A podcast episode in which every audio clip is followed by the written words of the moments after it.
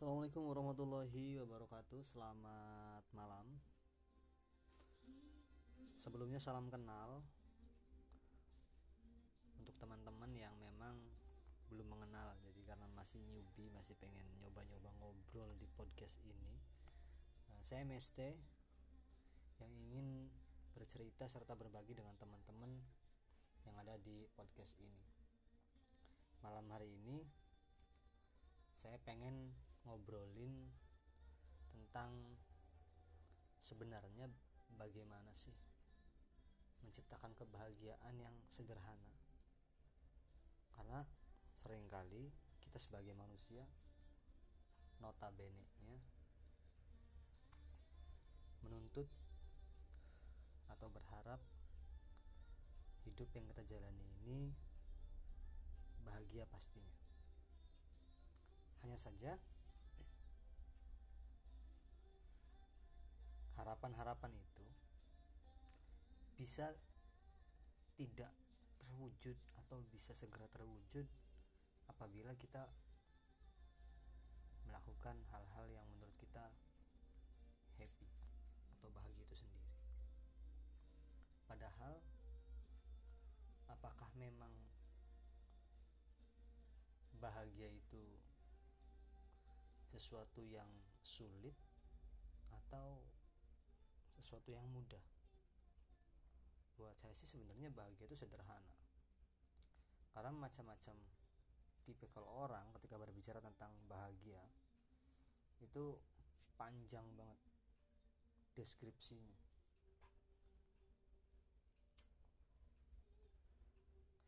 Ada orang yang bahagia ketika melihat orang tuanya bahagia tuanya senang orang tuanya happy orang tuanya sehat itu salah satu gerbang atau langkah di mana manusia mencapai titik kebahagiaan.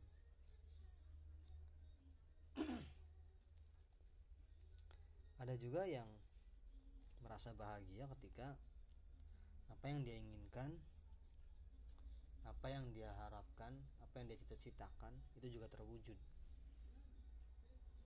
Misalkan eh, saya bahagia loh kalau saya bisa punya mobil sport atau bisa punya moge seperti itu. Saya bahagia apabila saya sudah datang ke stadion Old Trafford misalkan untuk menyaksikan klub kesayangan saya dan lain sebagainya. Ada juga orang yang bahagia jika melihat orang lain bahagia. Itu konteksnya di luar dari keluarga biasanya ya. Kayak seperti berbagi memberikan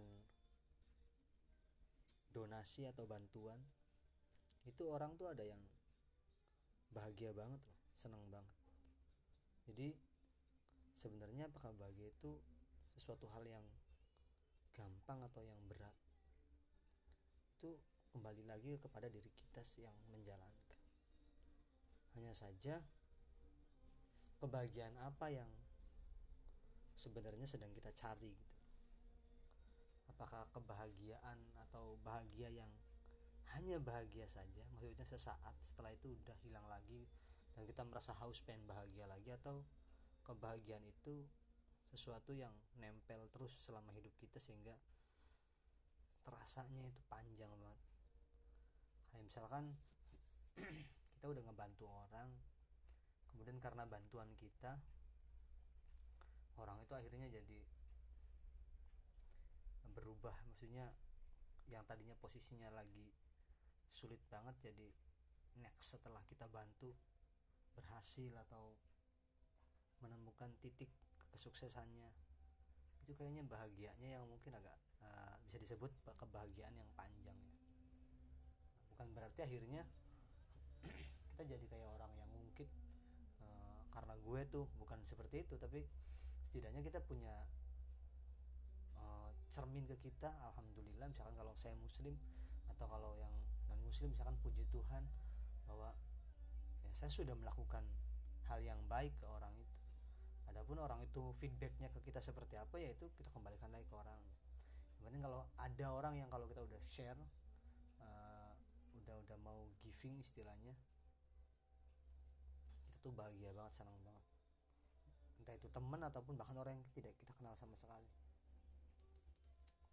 Apalagi ditambah feedbacknya positif misalkan si doi orang itu yang kita kasih bantuan kita kita kita tolong atau kita kita berbagi sama dia dia di kemudian hari saat saat dia berhasil dia mengatakan bahwa kalau tanpa bantuan dia atas izin Tuhan seperti itu.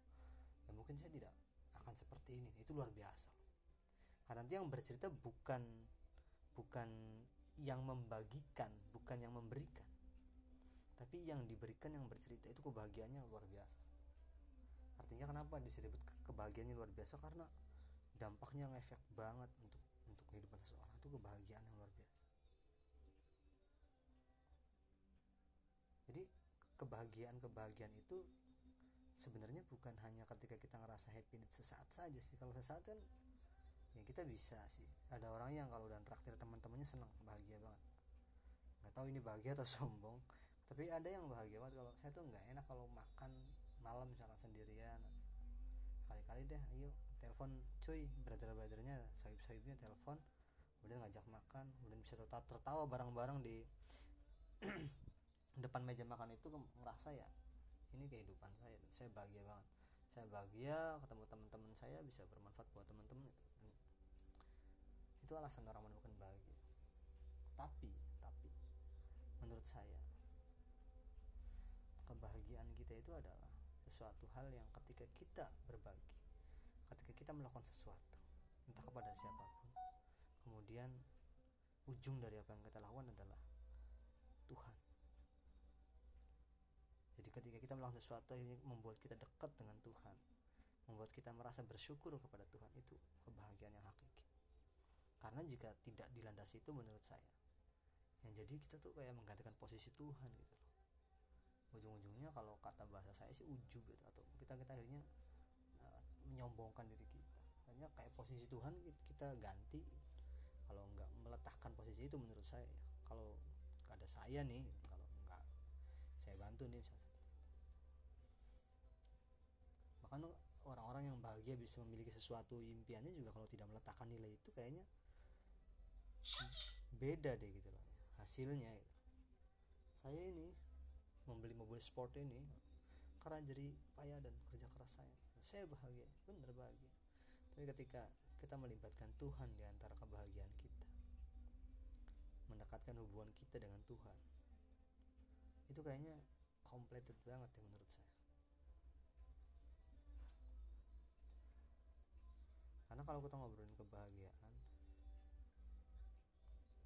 apakah bahagia itu sesuatu hal yang uh, bener-bener bisa kita rasakan atau kita hanya pura-pura merasakan? Karena banyak hal banyak kejadian atau banyak kasus orang yang merasa pura-pura bahagia. Why? Kok bisa seperti itu karena melihat orang lain bahagia kita pura-pura bahagia itu kan apa itu? Menghormati saja atau cenderung guna gitu. Ya saya juga nggak paham juga tapi sebenarnya kalau kita ngomongin kebahagiaan kan datanya kan dari hati.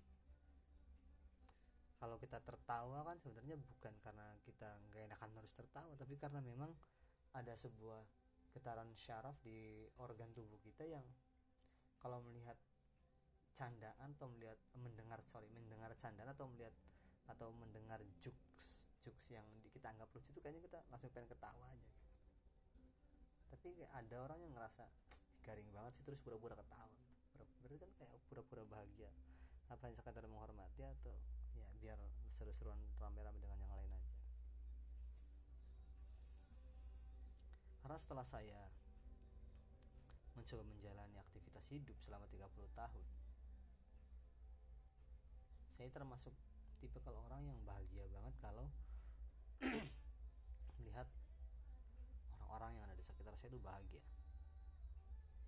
Saya bahagia ketika saya melihat orang tua saya sehat tua saya dalam kondisi yang baik-baik saja gitu. Entah itu ya, kesehatan tubuhnya atau kesehatan finansialnya ekonominya. Saya senang saya bahagia karena dari sana sebagai seorang anak saya mikir ya inilah harapan seorang anak gitu kalau melihat orang tua kita yang masih hidup kemudian sehat uh, tidak kekurangan sesuatu apa pun lalu ketika duduk dengan sanak familinya bisa bersama-sama kita bercanda tertawa gitu. itu menurut saya sih sebuah kebahagiaan yang tidak bisa diukur dengan apa pun ya. Karena serius mahal banget. Bisa menikmati senyum orang tua ya, ibu dan ayah terutama ibu ya itu kayaknya mahal banget. Makanya kalau saya ini muslim saya pernah mendengar apakah ini kisah atau ini sabda saya lupa. Tapi yang jelas saya pernah mendengar ketika ada yang bertanya bagaimana kita bisa melihat Allah Tuhan kita itu tersenyum? Maka dijawab kalau tidak salah oleh Rasulullah SAW kalau tidak salah ya buatlah ibumu tersenyum gitu. Maka di situ Allah juga tersenyum. Berarti senyum ibu kita itu mewakili senyumnya Tuhan dan luar biasa kan?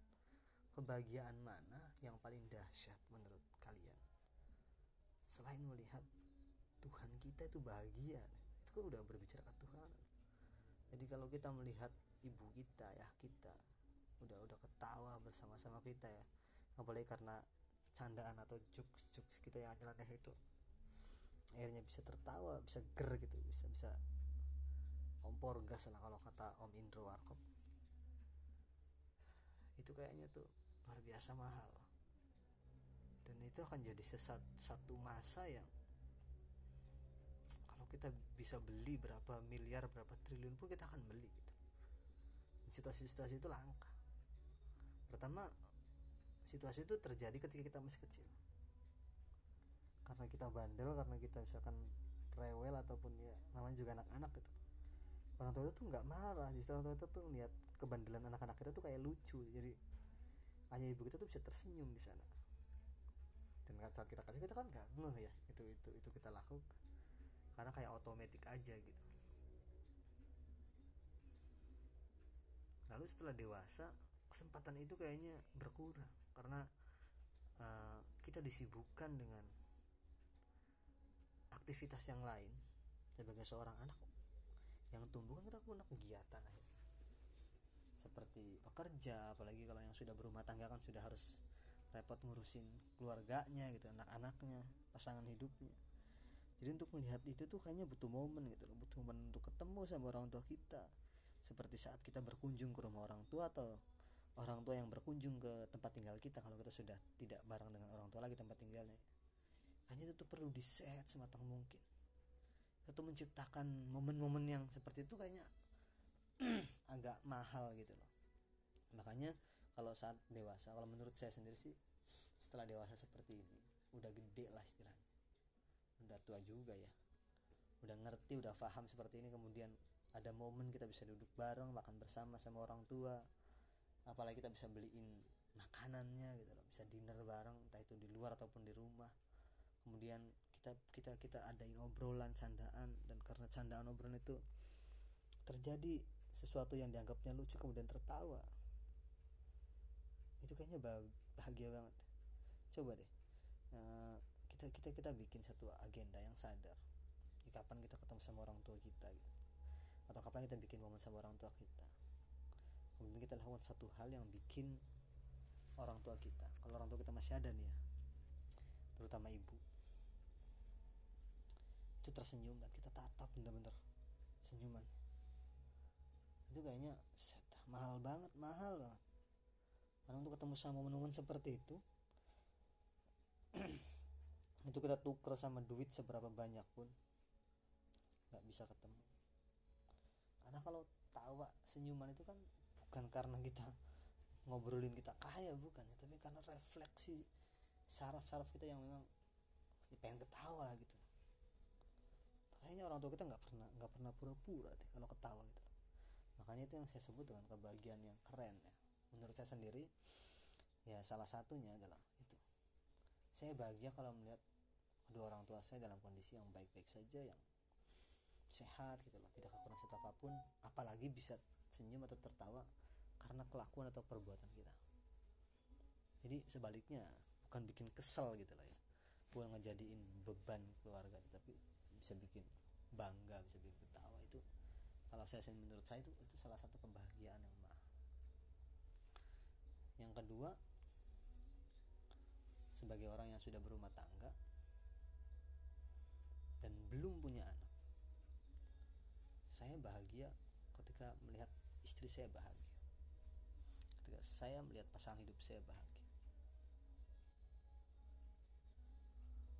Itu konsekuensi sebenarnya apa pun lah. Walaupun terkadang apa yang diperbuatnya tidak sama dengan apa yang kita inginkan ya itu kan menurut saya sih sebuah konsekuensi dan tanggung jawab kita sebagai suami atau sebagai pasangan hidup kan ya, istilahnya kan kalau rumah tangga kan harus saling membahagiakan makanya selain orang tua Salah satu unsur atau hal yang membuat saya bahagia adalah ketika saya melihat pasangan hidup saya, istri saya bahagia. Walaupun memang ujung-ujungnya sih kadang-kadang apa ya? Ya merugikan doi sendiri gitu. Misalkan dia bahagia kalau shopping, dia bahagia kalau memakan sesuatu yang dia senangin favorit. Nggak tahu dia pertimbangkan atau tidak, yang jelas dia pengen dan sebagai pasangan hidup kita mampu dan mau mewujudkannya itu buat saya sih bahagia banget efek setelah itu seperti apa ya itu kita pikirkan nanti seolah-olah seperti itu yang penting dia bahagia dulu apa yang dia inginin terwujud dulu. Tapi tetap bijaknya sih kita pertimbangkan nilai kemanfaatannya gitu. Nilai plus dan minusnya. Jangan sampai keinginan-keinginan yang diturutin akhirnya keinginan-keinginan buta yang tidak melihat uh, manajemen keuangan manajemen kesehatan. Akhirnya kan kita kan jadi rugi sendiri. Tapi kalau kita sudah anggap kita sudah babat gitu kita sudah pilah nilai positif negatifnya terus kita mampu dan mewujudkannya kita lihat senyumnya istri kita senyumnya pasangan hidup kita gitu loh. Atau ya mungkin punya pacar senyumnya pacar kita karena perbuatan kita gitu. Apalagi kalau bicara karena surprise kita karena kejutan kita karena hadiah kita. Itu luar biasa loh. Kayaknya kita tuh udah jadi real hero dan ya guardian lah. Yang beneran gitu lah yang jadi pahlawannya buat dia jadi penjaga yang bener-bener. Nah, tapi sekali lagi pesan saya sih tetap kita kasih sebuah tanda kutip bahwa jangan sampai kita mengadaan posisi Tuhan itu aja. Artinya kita sebagai manusia yang berupaya untuk membantu teman membantu sorry membantu orang lain membantu di sekeliling kita untuk bisa turut merasakan kebahagiaan. Karena melalui uh, apa istilahnya ya perantara kita gitu. ini buat teman-teman yang mungkin sudah punya pasangan coba deh. Kita mikir lah. Sedikit sebentar aja. Sebenarnya kita tuh kalau udah punya pasangan kebahagiaan tuh kita tuh apa sih? Kebahagiaan kita ya udah karena kita miliki pasangan itu sendiri kan. Udah udah bahagia. Saya udah nggak sendiri lagi nggak nggak single lagi nggak jomblo lagi. Tapi kebahagiaan yang paling luar biasa setelah kalimat itu adalah saya bahagia ketika saya melihat pasangan saya bahagia. Apa pun alasannya bisa ngewujudin itu kayaknya mahal juga. Karena kan yang namanya manusia kan sering kali terjadi benturan-benturan. Ego ya benturan-benturan pemikiran yang oh, kayaknya satu sama lain manusia nggak mau ngalah gitu. Kayak misal satu kasus saya mau sepeda motor saya mau A misalnya sepeda motor pria karena saya laki-laki senang motor pria. Kemudian istri saya mau sepeda motor B yang matic seperti itu. Karena dia harus bisa nyetirin sedangkan budget kita cuman harus milih satu di antara dua itu. Seringkali kita kan terjadi cekcok dulu. Maksudnya bukan cekcok sih ya perdebatan-perdebatan kecil. Kalau kita bisa mengalah untuk melihat dia bahagia itu kayaknya keren. Daripada apa yang kita pengen kayaknya kewujud ya. Ego banget kewujud kemudian kayaknya tidak bisa dirasakan bersama-sama loh berarti kan sayanya nggak bahagia gitu. Awalnya sih iya karena saya ngerasa keinginan saya tidak terwujud. Tapi next saya merasa keinginan saya terwujud. Karena bukan dalam bentuk sepeda motornya seperti itu bukan dalam bentuk benda. Tapi dalam bentuk keadaan bahwa ketika itu kita datangkan ada hal yang lebih mahal yang akan merasakan bahagia. Siapa? Itu si doi pasangan hidup kita. Makanya selain orang tua satu perantara atau hal yang membuat saya bahagia di antaranya ya ketika istri atau pasangan hidup saya bahagia.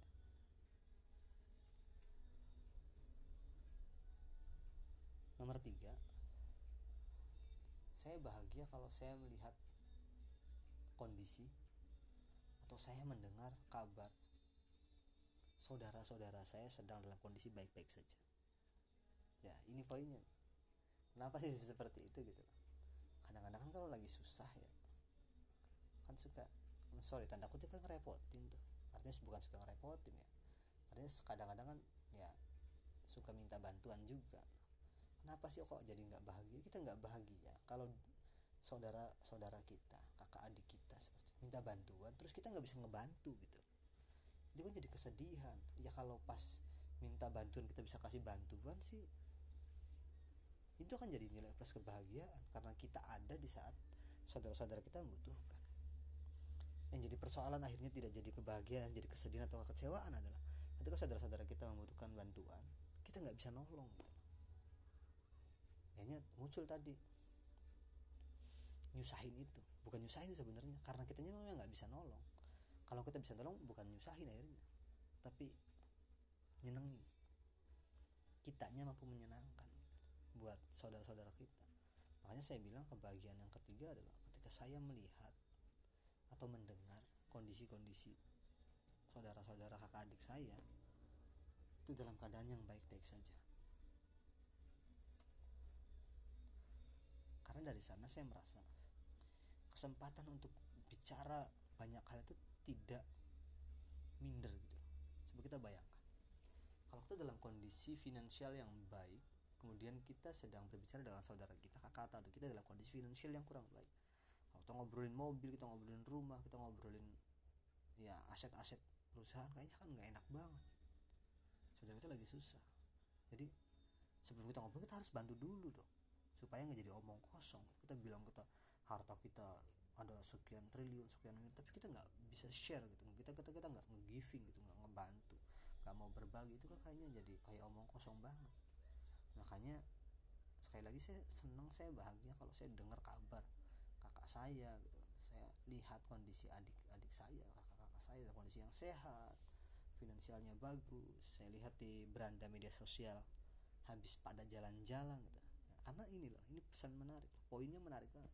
Ada orang-orang yang ketika melihat orang lain senang itu nggak senang. SMS gitu lah senang melihat uh, senang melihat yang susah dan susah melihat yang senang jadi ada seperti itu. Dan saya termasuk salah satu orang yang senang banget kalau lihat orang lain itu senang ya minimal itulah. Kalau saya lihat di beranda FB kakak-kakak saya adik saya habis jalan-jalan ke mall kolam renang seneng seneng. Artinya mereka punya punya slot atau punya apa namanya kas finansialnya untuk bisa ngajak keluarganya gitu. Holiday seperti itu. Jadi ya karena senang itu kita nggak bisa bilang apa, -apa. kalau orang yang nggak senang kan nyinyir. Masih punya hutang sama saya tuh. Udah jalan-jalan seperti itu. Tapi kalau saya sendiri ya jujur kalau saya sendiri. Misalkan kasusnya saya punya saudara. Kakak atau adik lah sebut seperti. Saudara yang saya sebut adalah kakak dan adik ya. Punya brother sister gitu. kemudian minjem duit sama saya. Belum bayar lalu saya lihat di beranda media sosialnya dia lagi liburan nih ngajak keluarganya ngajak istrinya ngajak uh, suaminya atau ngajak anak-anaknya. Itu jalan-jalan. Kalau saya sendiri sih nggak berpikir hutangnya belum bayar bukan. Tapi saya berpikir bahwa di antara kesulitannya saja untuk dia belum bisa bayar hutang dia mampu menciptakan kebahagiaan dari sisi yang lain. Ini menurut saya lah ya. makanya saya nggak pernah mikirin itu sih. Soalnya pertama saya ini tipe orang yang e, ngasih pinjam dan juga punya banyak pinjaman di orang. Nah itu keluarga ataupun orang lain. Sebagai pengusaha usaha orang yang punya usaha sendiri kadang kan ada nih pelanggan-pelanggan yang belum bayar barang belanjaannya misalkan karena saya di fashion misalkan karena utang lah sebutlah kasbon dan dia belum bayar tapi dia dia jalan-jalan. Dan saya merasa saya nggak harus marah seperti itu ya oke deh gimana kalau yang dipakai adalah uang kamu gitu misalkan contoh. Ya kalau uang saya yang dipakai akhirnya bikin dia jadi bisa ngebagiin keluarganya. Alhamdulillah dong manfaat berarti. Itu kalau prinsip saya ya. Nah, nah tapi dalam kondisi saya sulit gimana? Nah, saya sedang belajar sama orang-orang yang minjem duit nih sama saya. Saya belajar untuk tidak menagih dalam kondisi yang saya belum tahu persis real. Artinya saya harus ngobrol dulu. Misalkan saya masih pinjam nih sebutlah ke supir saya misalkan seperti itu. Senilai sekian juta. Kemudian supir saya sama keluarganya itu habis jalan-jalan saya nggak bisa nyinyir. Saya harus ketemu dulu saya harus ngobrol dulu barangkali. Memang itu adalah kondisi-kondisi yang susah apalagi anak-anak tuh. Kalau udah minta tuh kan nggak bisa dihentikan. Padahal dia memang masih sulit benar-benar sulit saya tanya dulu finansialnya ada apa tidak kalau ada ya silahkan saya minta sekian sebagian atau kita saya lebih suka seperti itu sih tipe kalau orangnya. Bukan yang apalagi negur di di nyabang-nyabang ke kuping-kuping orang lagi. Saya bukan tipe orang seperti itu asli seperti itu. jadi saya lebih suka berkomunikasi. Bagaimana kalau saya dalam kondisi yang sulit banget? Gimana ya? Saya tipe kalau orang yang tidak pernah nagih walaupun saya dalam kondisi terhimpit sebenarnya. Kalau kita ngobrol itu ya. sejauh ini sih saya nggak pernah lo akhirnya kok jadi nyusahin diri kamu yang masih pinjam sama seperti jadi nggak bahagia kan? Bukan loh. Itu akan jadi nilai perspektif yang berbeda lagi buat saya. Ketika saya lebih butuh saya akan upaya gitu. yang lain. Ya orang nggak ada mau diapain? Akhirnya tadinya awalnya bikin saya bahagia jadi nyusahin orang kan susah juga. Jadi kalau saya tipe orang yang yang penting bisa komunikasi lah istilahnya. Bisa bareng-bareng untuk kita mau mendengarkan dia dan dia juga mau mendengarkan kondisi kita. Akhirnya upayanya bareng-bareng. Itu kebahagiaan menurut saya. Ini sekali lagi poin ketiga saya bahagia kalau saya melihat atau mendengar kondisi kabar saudara-saudara saya itu dalam kondisi yang baik-baik saja.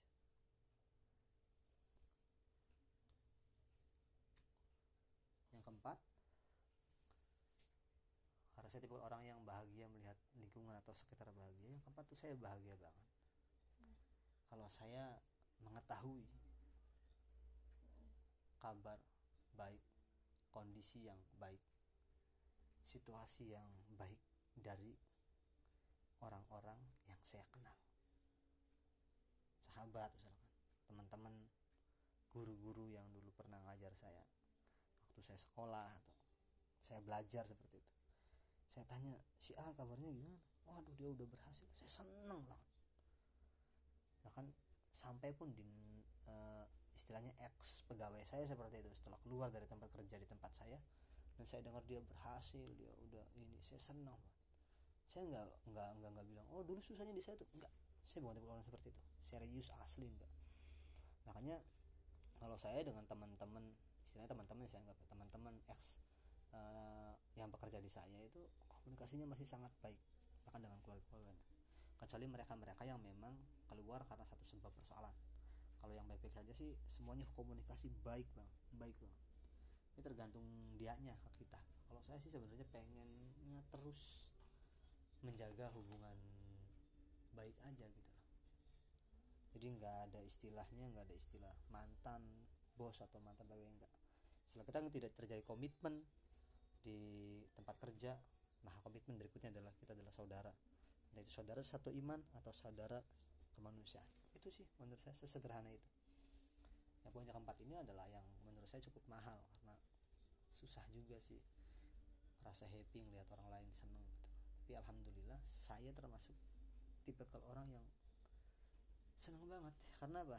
Ya karena itu kalau lagi susah tuh khawatirnya nyusahin. Makna nyusahin kayak tadi ya.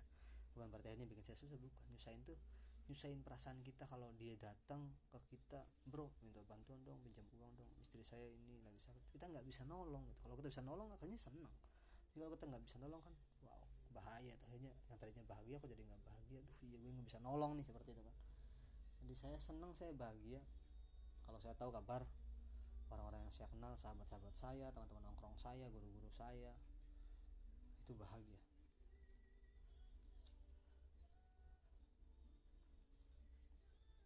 makanya saya suka tanya kabar teman-teman. Karena saya punya sahabat uh, Gilang Vijay Kholik Mahmud uh, Abi dan yang lainnya. Saya tanya sekarang kerja di mana? Gitu, posisinya apa? Kadang harus kepo ya karena posisi saya di circle pergaulan seperti kakak seperti itu. Gajinya sekarang berapa? Kalau dia akhirnya bisa datang ke rumah saya berkunjung main itu bawa sepeda motor barunya gitu. Apalagi yang tanpa hutang ya udah maksudnya udah udah udah beres lah persoalan leasingnya kalau dia leasing. Kemudian dia ber, bercerita tentang dia naik jabatannya dia bercerita tentang dia mau nikah atau dia bercerita tentang kebahagiaan setelah dia menikah gitu. Akhirnya saya merasa senang banget. Artinya sebagai teman nongkrong kan ngadirin manfaat gitu. Jangan sampai kalau saya sendiri sih nggak punya manfaat apa apa seriously saya tipe kalau orang yang seperti itu percaya nggak percaya. Makanya saya ngerasa sepi kalau rumah saya tuh nggak ada yang berkunjung pertama ngerasa sepinya apa karena memang saya lagi dianggap sibuk? Akhirnya teman-teman nggak datang nggak nggak nggak main gitu loh. Atau karena mereka sibuk akhirnya karena capek kerja aktivitas jadi nggak punya kesempatan untuk ngumpul. Nah, pikiran jahatnya gini apa karena saya lagi susah sekarang ekonominya jadi teman-teman nggak mau datang ke saya? Karena saya nggak bisa bikinin kopi misalnya. Atau pikiran yang lebih kerennya adalah karena saya lagi susah uh, akhirnya mereka nggak enakan kalau ngerepotin saya. Tapi apa pun overall saya nggak pernah ngerasa punya nilai-nilai yang buruk ke circle saya. Kapan pun pintu rumah saya tetap akan terbuka. Karena sekali lagi kebahagiaan saya ketika saya melihat kondisi baik. Bisa ke rumah kan berarti kan baik sehat gitu kondisinya. Yang lain-lain bisa nyusul bisa dibicarakan seperti itu. Terakhir sih mungkin saya bahagia kalau saya bisa ngebantu orang bahkan yang tidak saya kenal. Dari kondisi kesulitannya menuju kemudahan. Saya bahagia. Itu kenapa I'm sorry ya. Cita-cita saya tuh pengen jadi orang kaya gitu. Nggak tahu salah apa bener ini. Karena dalam otak kecil saya sejak saya masih remaja kalau saya punya banyak uang istilahnya seperti itu kalau saya sukses saya kaya saya bisa ngebantu orang gitu, dengan karakter saya yang seperti ini. Jadi ketika datang mas bisa minta ini? Saya bahkan istrinya udah bukan minjem ayo kasih kita kasih kita ngebagi. Gitu ya kalau saya sih seneng lah kalau bisa terhubung dengan tempat-tempat yang berbau kayak yayasan yatim gitu anak-anak panti asuhan. Sebenarnya saya seneng banget artinya apa? Kalau saya lagi ada pengennya itu ayolah. Kadang istilahnya kan bukan istilah sih memang sebagian harta kita kan memang bukan punya kita 100% ada hak mereka. Ada yang sadar ada yang ada yang nggak nyadar gitu.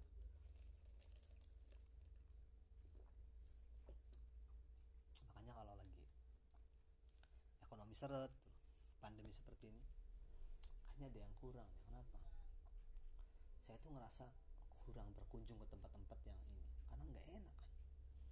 Kita kalau kita berkunjung kan biasanya kita kan bisa sambil uh, istilahnya sorry nih ya ngasih sedikit sedikit sedikit gitu. Walaupun nggak banyak. Tapi kalau kita bisa nolong tuh masukin ke kotak masjid gitu ya kebahagiaan buat saya seperti itu. Bisa terlibat terlibat di kegiatan-kegiatan sosial sosial yang ujung-ujungnya bisa punya nilai yang positif gitu. Serius saya bahagia banget makanya kalau saya nggak lagi nggak ada duit ada yang minta gitu di depan rumah kayaknya itu susah gitu loh. Ngerasa kasihan ngerasa nggak ada perasaan yang ngejanggal sampai suka nyari-nyari di laci-laci kecil barang ada uang-uang kecil yang ribuan gitu ya istilahnya. Ya saya bisa kasih segitu soalnya sekali lagi benar atau salah dokter remaja saya dulu pernah mikir saya menjadi orang kaya. Karena dari sana saya berpikir untuk bisa menjembatani orang-orang yang butuh. Makanya konsep ketika pertama kali usaha online saya itu hit banget di tahun 2019 2019 2019 2020 sebelum pandemi ini datang saya nggak mau berhasil sendiri istilahnya. Saya ajakin teman-teman tuh gabung walaupun mereka ada yang nggak mau tuh banyak banyak yang nggak mau lah ya. Sampai akhirnya saya ngebuka loker untuk anak-anak remaja yang baru lulus sekolah yang pengen mulai aktivitas kerjaan. Walaupun non skill ya. Saya bantu mereka dari nol sampai dengan bisa gitu istilahnya from uh, zero to hero gitu seperti itu. Jadi saya senang banget oh rugi dong berarti? Bang enggak enggak bos. Walaupun terkadang dalam dunia pekerjaan efeknya kalau dia udah pinter kan ada tuntutan naik gaji segala macam. Ya buat saya sah sah kalau kita bisa kita kasih kita nggak bisa kita bicara. Apa komitmen untuk kerjasamanya lanjut atau tidak itu kan kembali lagi secara profesional seperti itu. Karena kita juga sebagai tempat pekerja kan uh, punya anggaran untuk maintenance berapa gitu untuk admin atau karyawannya berapa untuk uh, logistiknya berapa kan seperti itu.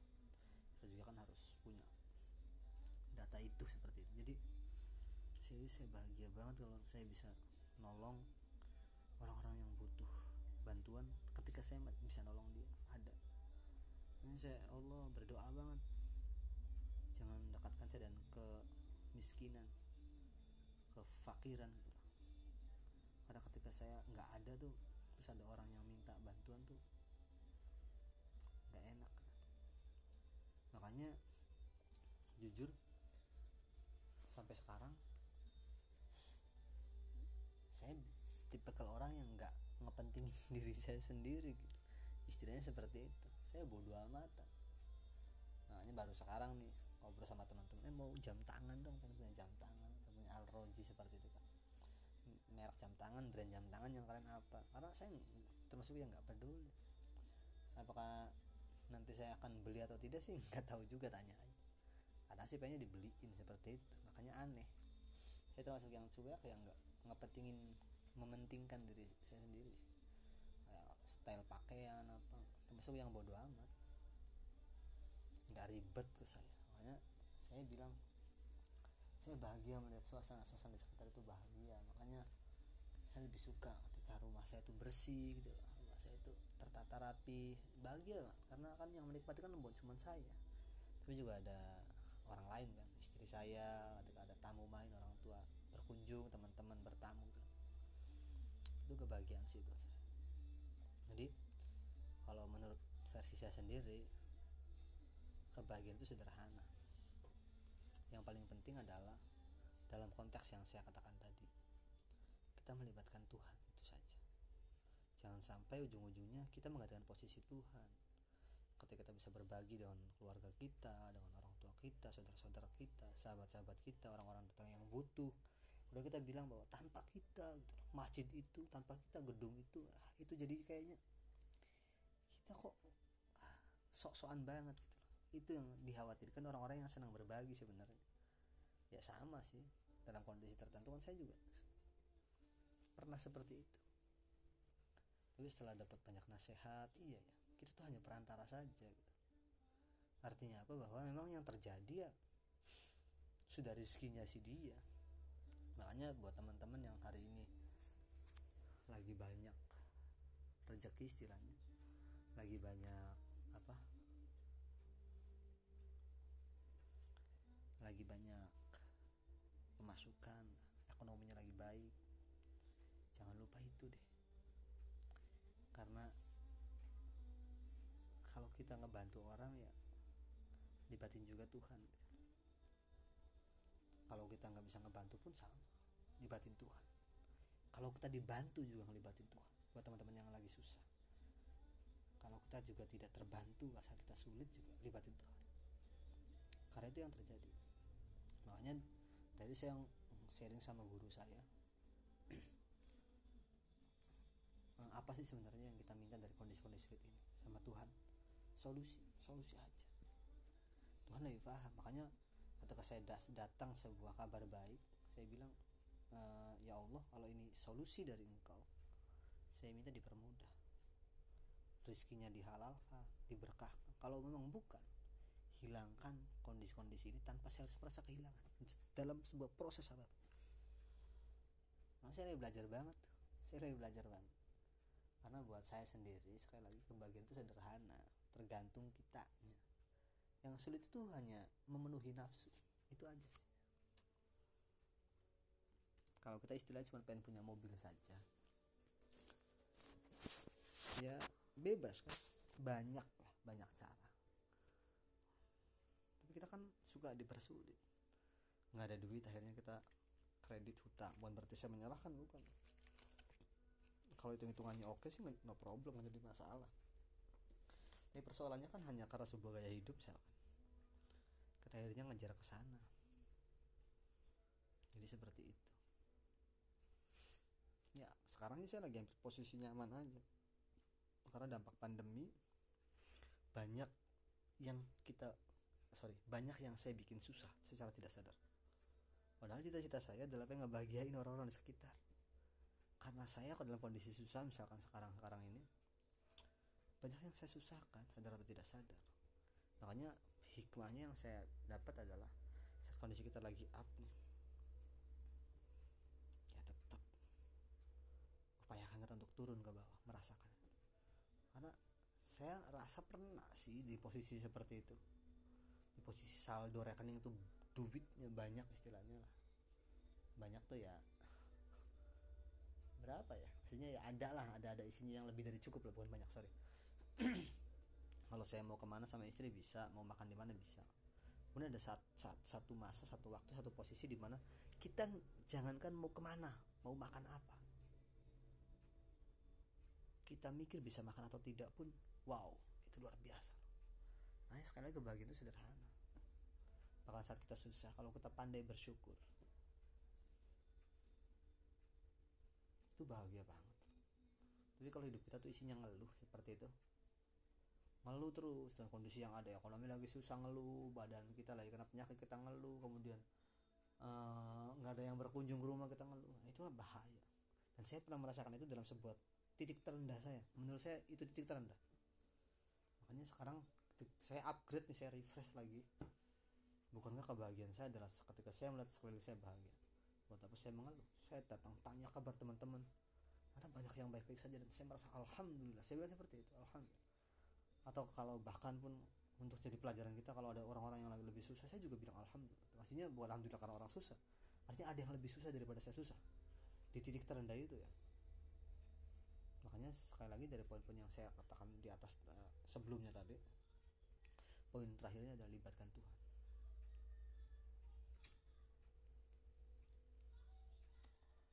karena kita nggak bisa ngapa-ngapain bro. Kita nggak bisa ngapa-ngapain. Dan bahayanya kalau kita punya masya Allah ya naudzubillah. Min lah. Punya pemikiran untuk menggantikan posisi Tuhan.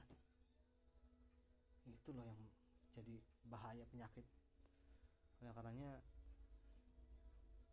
mudah-mudahan kita adalah termasuk orang-orang yang bisa menciptakan momen kebahagiaan bisa membuat orang-orang lain bahagia karena perbuatan kita dan pastinya melibatkan Tuhan. Kita bukan Tuhan atau tidak bisa menggantikan posisi Tuhan. Kita hanya perantara saja. Itu aja sih sebenarnya. Mudah-mudahan teman-teman di sini bahagia selalu. Uh, always happy lah istilahnya. Jangan lupa bahagia. Jangan lupa bahagia jangan lupa bahagia. Kita ciptakan bahagia itu sendiri. Kita buat momen bahagia itu sendiri karena dengan kita menyadari kita bahagia maka nilai-nilai positif yang lain akan datang. Kalau kita tidak merasa bahagia kita merasa kurang merasa tidak cukup merasa susah merasa kecewa terus maka itu yang akan terus datang. Ada istilahnya kayak gelombang apa gitu ya kayak gelombang energi seperti itu yang kalau kita punya asumsi atau keyakinan ah itu akan ngikut katanya seperti itu kan. Atau dalam bahasa kita tuh ucapan doa keyakinan adalah doa. Ya kalau kita ucapannya kita lagi bahagia ya kebanggaan akan datang. Kalau keyakinan kita kita lagi susah ya susahnya datang. Jadi bagi itu kita yang tentukan arahnya ke mana terserah teman-teman bagi versi bagi itu apa. Yang saya share ini adalah versi bahagia menurut saya. Mudah-mudahan bahagia terus. Saya MST saya pamit. Assalamualaikum warahmatullahi wabarakatuh. Selamat malam.